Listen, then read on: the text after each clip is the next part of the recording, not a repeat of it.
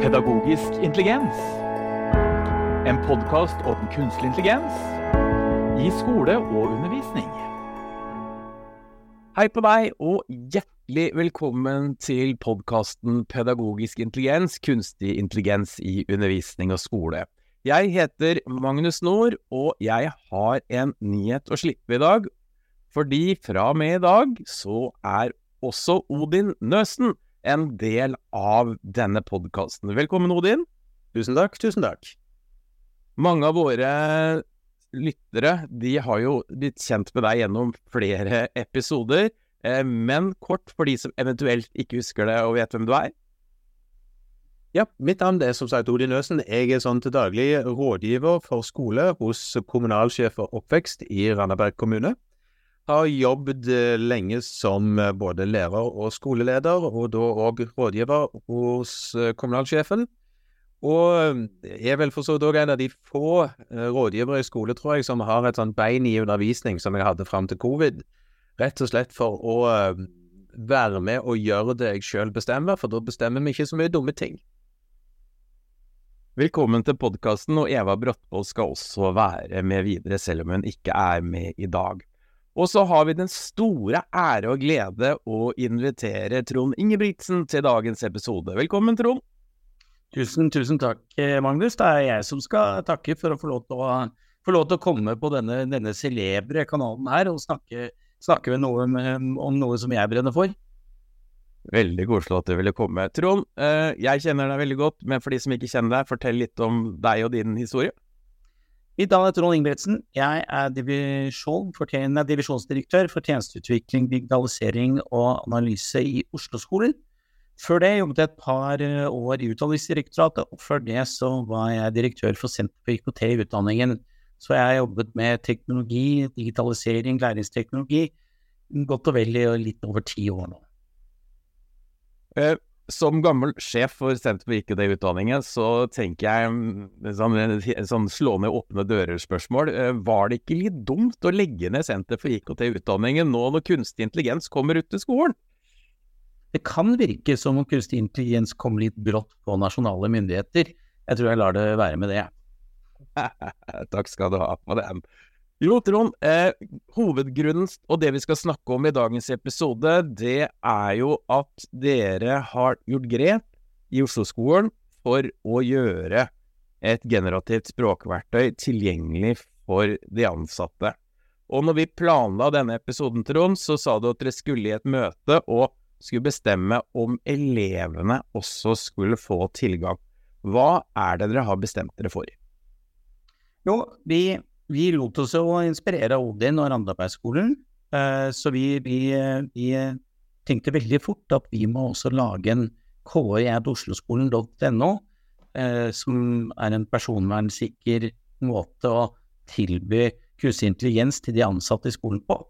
Den slapp vi litt tidligere i høst, og så, når de ansatte begynner å bruke det, så melder fort behovet seg for å ta dette inn i klasserommet med elevene. Vi vet jo også at elevene bruker den åpne åpne løsningen. Men for oss har det vært viktig at vi gjør dette på en personvernsikker måte. Så derfor har vi hatt, eh, vi hatt prosesser, vi har diskutert med, med både ansatte, eh, fagforeningene, og så har vi nå besluttet at de si, vi har, vi har 17 500 ansatte som bruker den, den, den, løsningen vi har laget. Og så har vi jo litt over 180 skoler. Så der hvor rektor kan hake av for at de har hatt en diskusjon personalet og hvordan de har tenkt å bruke kunstig intelligens i undervisningen, hvor de har snakket med fagforeningene. Så åpner vi opp, altså vi har satt på en tilgangsstyring, så kan vi åpne opp for en skole om gangen. Eh, og det er det vi nå, nå, nå, setter i gang. Og så knytter vi det også opp til både egenutviklede ressurser, men også ut i sin kompetansepakke på hvordan man kan bruke bruke konsulenter i skolen. Og så tror jeg at vår viktigste rolle nå som skoleeier er å følge med på dette her vi jobber nå parallelt, og eh, litt på nyåret så tenker jeg vi kommer til å ha klar første versjon av Oslo-skolens mål, strategier og retningslinjer for bruk av kunstig intelligens. Mm. Spennende. Eh, det betyr jo at et stort antall elever.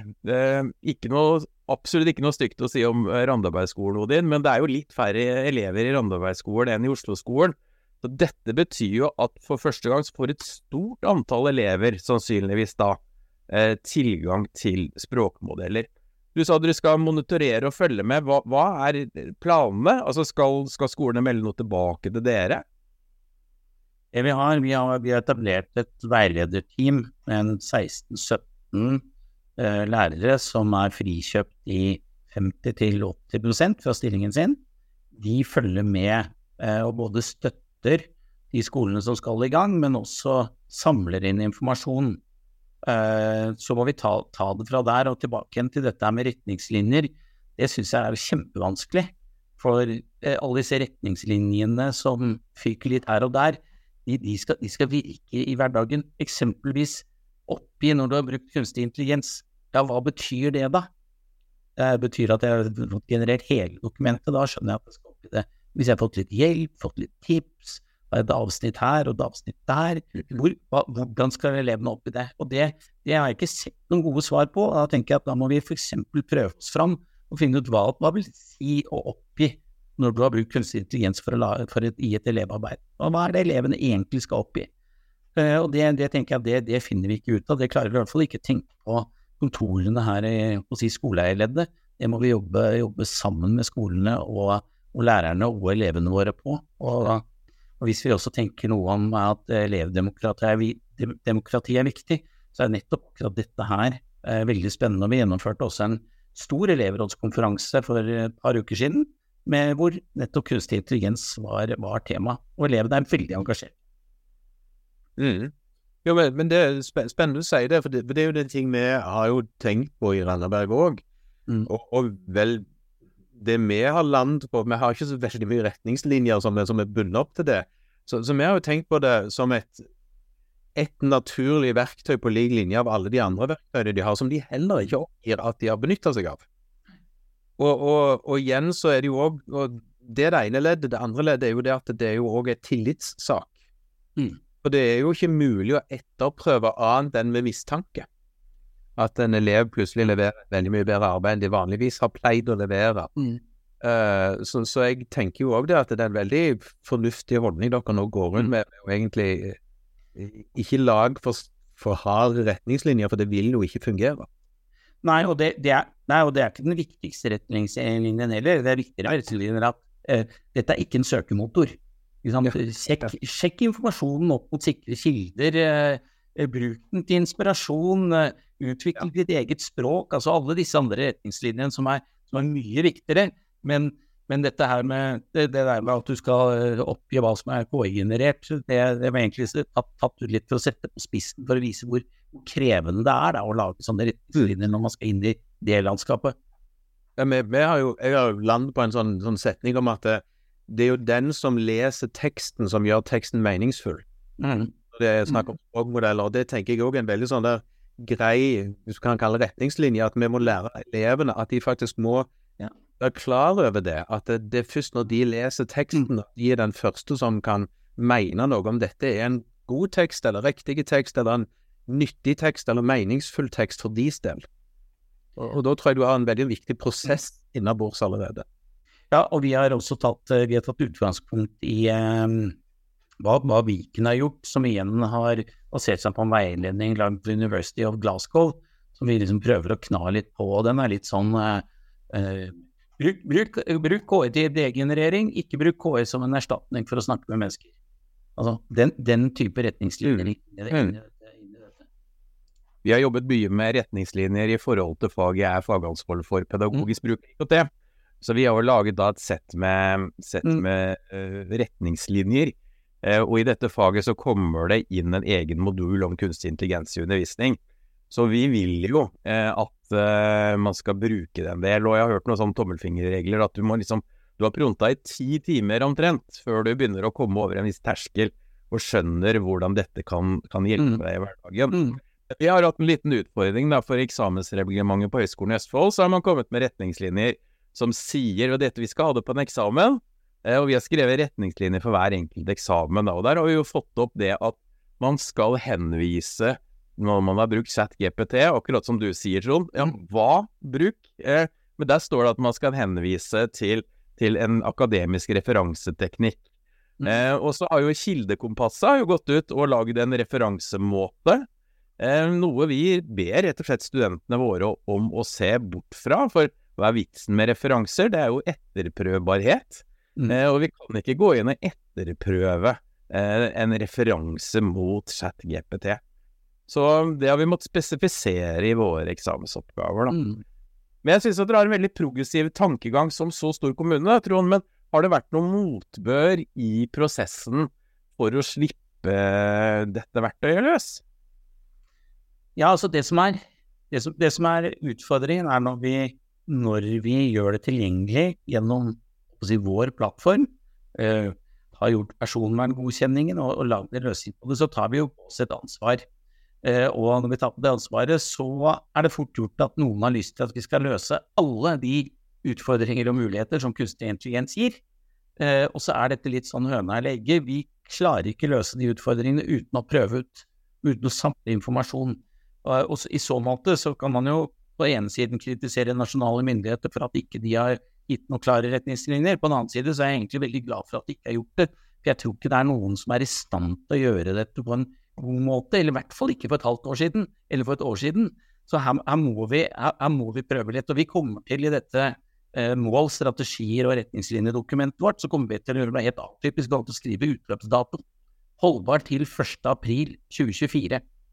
Eh, det gjelder ikke etter da. Eh, og så må vi lage en ny versjon. Fordi dette det Jeg sier, i hvert fall at hvis vi hadde prøvd å lage dette for et halvt år siden, så hadde vi bomma. Det hadde ikke ikke fungert i dag. Og vi kommer sikkert til å lære noe nytt i neste måned. Så vi istedenfor å sette på hvilken dato det ble laget, så kommer vi til å sette på hvilken, til, til, hvilken dato det gjelder, og så må vi lage, lage denne Må vi ha en prosess på dette. Mm. Ja, jeg, jeg, tror det er veldig lurt. Jeg, jeg har òg begynt å gjøre det når jeg holder kurs. Mm. Hvis noen har lyst til å gjøre et videoopptak, så sier jeg at det, ja, det er greit, men utløpsdato om to måneder. Mm. Ja. Fordi at det, det, er så stor risiko for at noe av det jeg sier nå, mm. feil, rett og slett. Ja. ja. Så, men, sant, så det, så du sier, ja, det er, altså, det er en så, sånn god blanding av muligheter og entusiasme og skepsis, og til og med litt, litt frykt. Og så er det også som med alle endringer at det, det jeg ser nå, da, er at det er mye lettere å ta dette i bruk i undervisning eh, i engasjement, spennende, og så gir det oss eh, noen utfordringer på vurderingssiden. Det er så mange lærere som har tenkt annerledes rundt vurdering. Eh, for, forrige gang Google og sånt kom, så kom liksom plagiatkontrollen og redda, redda den gamle vurderingspraksisen. Nå, nå, som du var inne på, Magnus, så gjør den ikke det lenger. Så nå må vi tenke nytt rundt vurdering, og det er kanskje der hvor vi er mest, mest usikre i øyeblikket. Hvordan, hvordan, skal vi klare å rigge dette store systemet som Oslo-skolen er, i å ikke få til vurdering på, på liksom én lærer i en klasse, men hvordan skal vi sørge for at vi har en ensartet og rettferdig vurderingspraksis på tvers av skolene våre? Og det, det, det, det tror jeg ikke vi finner ut i løpet av neste tremånedersperiode. Uh, så det, der skal vi jobbe, det der må vi jobbe sammen, og der, der er det også med at det, vi nasjonalt er nødt for å finne ut av dette. Før denne episoden, Trond, så, så er, føyer du inn i rekken. Nå begynner jo ett år inn i ChatGPT, så begynner vi å få løsninger. Odin var jo eksepsjonelt tidlig ute. Det var jo april i fjor, eller mars, mm. du hadde til dine. I høyere utdanning får vi nå både en siktløsning for, eh, som skoler og kommuner kan kjøpe. Universiteter kan kjøpe en tjeneste tilsvarende det dere og Odin har laga i forhold til GPT-UiO, som kommer med disse tjenestene. Eh, men det jeg har lagt merke til i tjenesten deres, som jeg ikke har sett noen andre ha, men jeg syns er utrolig spennende Jeg så en sånn knapp nede til høyre når jeg så en demo, og der sto det bot'. Fortell litt om, om denne, denne tjenesten, og hva dere har tenkt den brukt til. Ja, det er igjen eh, kan vi si at vi er inspirert av Odin, da, som lagde en, en del ferdige botter. Men når vi samla dette, dette veilederteamet med mange folk, så så vi at ja, vi har behov for andre botter. Flere botter enn det Odin hadde lagd. Eh, og så gikk vi en runde, og så tenkte vi men dette her med bot, er ikke det, kommer ikke det egentlig til å bli nesten en kjernekompetanse hos lærere framover. Når de skal undervise eller lage Altså det å lage gode botter. Og på den andre side, hvorfor i all verden skal vi ikke sette elevene våre i stand til å lage botter, og bruke botter for å forstå hvordan denne teknologien virker? Så da, med litt sånn uh, igjen på prøve- og feil-nivå, da, så tenkte vi nei, vi, vi, lager ikke, vi, lager ikke, noen ferdiglagde botter fra oss. Vi, vi setter opp denne bygd din egen bot-funksjonaliteten uh, med litt hjelp og støtte. Ganske så enkel ting, og det ligger et eksempel der, så du kan liksom bruke det eksempelet for å teste ut en bot, for å se hvordan det er. Så vi tenkte at ved at du lager en eksempelbot, så får du ideen om hvordan dette er, og så er det jo egentlig ikke da er det jo ikke noe, det er ikke noe stopp på den linja der. Da kan du bare fortsette å prøve å bygge og modifisere og teste ut. Odin, for våre lyttere nå som ikke skjønner hva vi snakker om, kan du prøve å forklare eh, helt grunnleggende hva er dette, er dette bot? Ja, altså det, det, som jo for så vidt Trond sier nå, altså alle chatboter eh, som vi bruker sånn til daglig, eller som, som, tilbys, de har det som kalles en slags systemledetekst, eller systemprompt. Eh, som betyr at eh, de må starte med en eller annen beskjed om hvordan de skal oppføre seg, som du som bruker av tjenesten i utgangspunktet ikke ser. Eh, og den ligger liksom bare i bakgrunnen. Jeg tror den standardledeteksten til ChatGPT er egentlig bare at du er, på engelsk da, at du er en uh, chatbot lagd av OpenEye. Du skal prøve å følge instruksjonene for brukeren så godt du kan. Uh, og så, er, så, ser ikke du det, og så er det på en måte at alt du skriver da, det blir sett opp mot denne systemledeteksten, som på en måte får lov til å bestemme hvordan hele botten skal oppføre seg overfor deg som bruker. Og så er det jo da at det er mulig å endre denne systemledeteksten, og, og vi har jo laget jo, som, som Trond sa, et par som En som sier at du skal være, delta i en sokratisk samtale, og oppføre deg da på bestemte måter, som f.eks. at du ikke skal gi eleven et direkte svar. Du skal heller stille nye spørsmål, og litt hvordan han skulle gjøre det. Mm. Jeg har òg en som skal snakke med små barn, som dermed aldri skal være avansert, men har fått beskjed forklar absolutt alt enkelt og kort og litt underholdende og morsomt. Og den ledeteksten ser ikke brukeren, men vil alltid oppleve resultatet. Og det Trond og de har gjort da, er jo egentlig å si at den systemledeteksten der skal læreren få lov til å lage, og så blir det jo da tilbudt at læreren kan gi denne botten til elevene. Eh, og som jeg berømmer Oslo for å, å ha gjort, fordi at jeg har ofte sagt om AI Randabergskolen som prosjekt at det har vært et didaktisk prosjekt, mer enn bare å tilby chatboter til elever og lærere. Mm. Og, det, og, alle de andre egentlig tjenestene som vi finner, eller som har blitt tilgjengeliggjort overfor sektoren, har egentlig bare vært chatbot-kopier. Så, så, vår AI Randabergskolen var liksom et forsøk på didaktikkløsningen i det, og det syns jeg jo at dere i Oslo òg har gjort en, en, veldig god jobb i forhold til. Ja, jeg tror jo hvis vi hadde hvis vi hadde vært mye mindre, hvis vi kunne ha samlet, samlet på en måte lærerne i en, i en sal og snakket om det, så tror jeg vi også hadde gjort det samme som dere gjorde, lagd noen. Men vi bare vet at uh, behovene, tankene, er så forskjellige på så utrolig mange skoler. Så vi, vi hoppet bare rett i det. Uh, jeg, er, veldig spent på uh, hvor, hvordan dette blir møtt. Om det bare blir de aller mest på en måte fremover interesserte lærerne som gjør dette, eller om vi får dette til å bre seg litt ut, og at flere lærere skjønner at dette er en veldig Det å lage en bot for elevene sine om et spesielt tema, er en veldig god både vei inn for å forstå og bruke den teknologien i klasserommet til noe gøy, til noe spennende. Mm. Nå har jo, har jo, Det ligger jo altså en ledetekst, for, mm. sånn, for at alle skal skjønne. Put, vi har putta en ledetekst inn i ChatGPT for eksempel, da, før selve samtalen starter en ny instruks. Eh, har dere lagd noe delingsarena?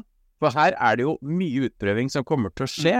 Har dere noe ut, noen delingsarena der og en lærer lagde Oi, tipp på den kule ledeteksten jeg lagde. Eh, den bør dere andre prøve også. Den mm. funka kjempebra i naturfag på fjerde trinn. Det er jo ikke alltid så lett å få sånne delingsarenaer til, til, å fungere. Igjen så er det dette veilederteamet vårt som er på en måte motoren og drivkraften i det. Vi har et generelt team med litt over 11 000 eh, medlemmer og læringsteknologi i Oslo-skolen. Nå har vi etablert et KI-team, KI hvor nettopp tanken er det du, det du sier der, Magnus. Altså prøve å få til dette, få utveksle informasjon. Um, og, og, sørge liksom for å hjelpe hverandre, være kreative, teste ut, dele både hva som virker og ikke virker. Så vi ser litt om, om hvordan vi får det til. Det er ofte tryggere å dele hva som virker enn hva som ikke virker. Uh, så den, den, den si, lærer-til-lærer-kontakten altså veilederteamet vårt eh, driver med, er også ganske viktig, viktig, for oss når vi skal prøve å samle erfaringene på dette. Jeg, jeg, er veldig enig i den måten å nærme seg på. Altså, jeg har pleid å si at det, når det kommer ut denne type ny teknologi, så er det veldig viktig at vi bokstavelig talt leker med den. Mm. Altså, rett og slett Vet vi hva den kan gjøre? Nei, ikke helt. Vi har et slags grunnforståelse, og resten handler om vi må ut og prøve den i felt, og da må vi våge å leke. At vi, prøver noe som vi ikke helt vet hva blir resultatet av. Men å da sette denne leginga i system, er jo det, det som jo kan gi oss de gode erfaringene, som jo, det høres ut som dere har en veldig godt grep på. Men det er jo si, påfallende hvor mange mennesker, både i egen organisasjon og utenfor den, som har veldig sterke synspunkter om hva dette er. Eh, og når man går liksom litt under overflaten, så skjønner du at dette har de i beste fall testa litt, grann, eller så har de lest om hvordan det er. Så her, her må vi prøve, altså. Og det er som husker ikke hvem av dere du sa, du trenger i hvert fall ti timer med prompting, og ikke bare enkeltprompting, men, men det å grave, det å det, det liksom å konversere med, med, med, med, med løsningen på å finne ut hva det er. Og jeg tror jo også dette bot-biten, hvor tenker litt lenger ned i løypa, hvor du kan begynne å lage botter, ikke bare opp mot én predefinert ledetekst, men også begynne å koble opp mot kilder og andre spesifiserte eh, datagrunnlag kan, kan, kan bli ganske så spennende. Mm. Kommer dere til å gi elevene tilgang til å lage botter også? Ja, de får det samme. Mm. Så de får eh, det, det tror vi er at vi, vi, Igjen så tenker vi at det Det å gå gjennom botten er egentlig nøkkelen til å forstå det Odin forklarte. Uh, ChatGPT er ikke bare, den har allerede noen instruksjoner og rammer rundt seg. Mm. Så det å se hvordan Altså det å bygge en bot, gi den noen instruksjoner og se på en måte hvor annerledes svar du får fra båten, enn om du stiller spørsmål til bare den åpne, generelle, uh, tenker vi at det, det er det, det, handler om å, å, forstå både hvordan teknologien virker, og, og hva, vi, hva, vi, kan bruke den til. Så er jo håpet og tanken bak her da, at dette, dette, skal gjøres si, lærerledet i, i, i klasserommet.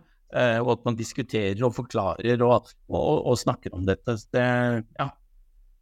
Mm. ja veldig spennende. Det, altså, jeg kan bare, bare referere til en del av chatboten. Mm. For den har jo en sånn Jeg har brukt litt den når den var åpen en liten periode. Og jeg reagerte på hvordan den svarte i forhold til hva AI Randabergskolen svarer, i forhold til for så vidt hva ChatGPT svarer. Mm. For jeg opplevde svarene den kom med sånn veldig veldig nøktern og veldig tilbakeholdt, og det var mye han egentlig ikke ville være med på. av ting. Så, så begynte jeg å lure på hva, hva ledetekst hadde gitt han, og så fant jeg ut at det hadde de skrevet. Det var ikke noe sånn voldsomt spesielt med ledeteksten, men så fikk jeg snakket med dem, mm. og de har skrudd temperaturen til 0,5 som da til lytterne er jo en, en, Du kan ha en temperatur fra null til én sånn i utgangspunktet på hvordan en chatbot skal være kreativ når han svarer. Mm. Der temperatur én er at han svarer mye friere, veldig sånn statistisk ut ifra eh, hva som er naturlig å svare. Så på én, så er han mye friere. Er han på null, så er han nesten deterministisk i forhold til hva du gir han som tekst. 0,5, da er han litt mindre original. Og jeg tror ChatGPT, og iallfall ja, i Randabergskolen, vi handler 0,8. Og bare den lille forskjellen da, mellom 0,5 og 0,8 i forskjell gjør at en del av chatboten oppfører seg bety altså, såpass annerledes at, du, at, de fleste har reagert på det som en litt negativ ting. Ja. ja altså, det er jo Det der å være med å forstå hva som påvirker mm. svaret til en chatbot, det er et veldig sånn viktig pedagogisk eller didaktisk grep overfor eleven òg. Det blir jo litt anekdotisk, men vi har jo rapporter fra noen av de pilotskolene hvor det har testet ut det, at elevene tror at KI at osloskolen.no er mye dårligere enn enn den åpne chat-GPT-en. Sånn at det, det, det, det, får vi jo si at prøve å forklare at det er akkurat samme, samme teknologi bak. Ja. Men du får jo det som også et sånt svar på hvordan du har skrudd i dette, ikke sant, som mm. du er inne på det.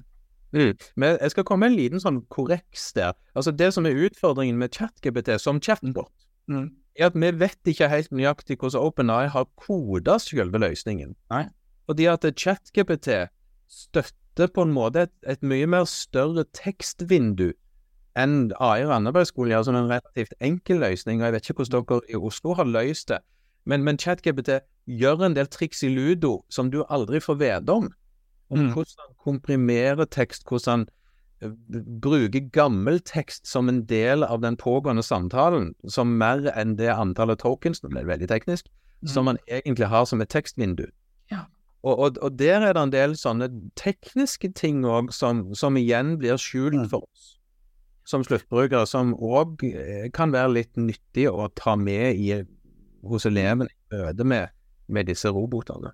Ja, og det, og det, er jo det dilemmaet vi står oppe i, og som i hvert fall har vært mitt hovedargument for å trykke på i dette, er at elevene bruker ChatGPT. Eh, enten vi forholder oss til det ikke.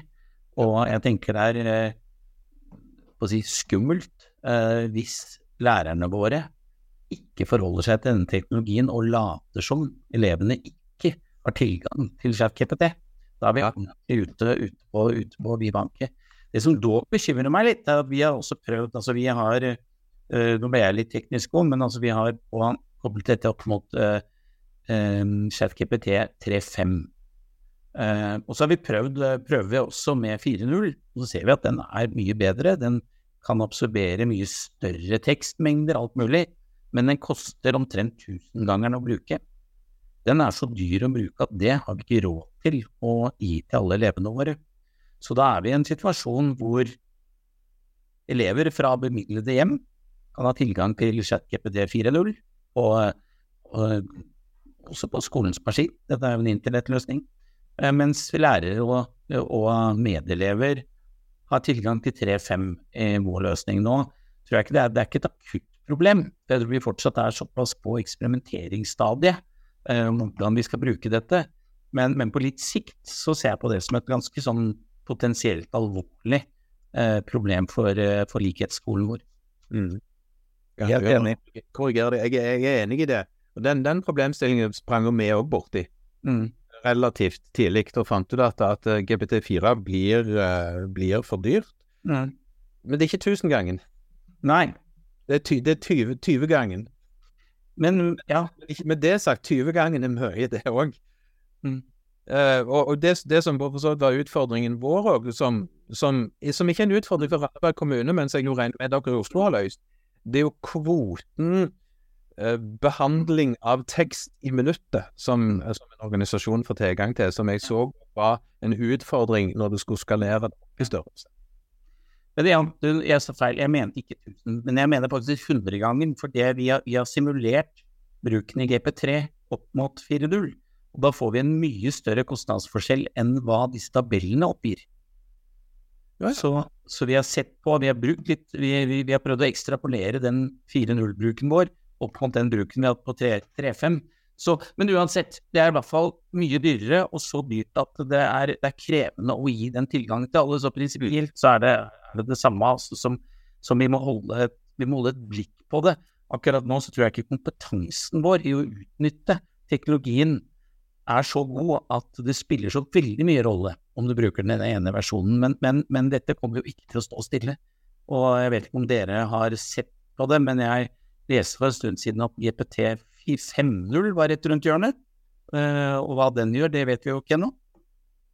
Jeg tror det, det er vel ennå sagt at GPT 5.0 er ikke rett rundt hjørnet.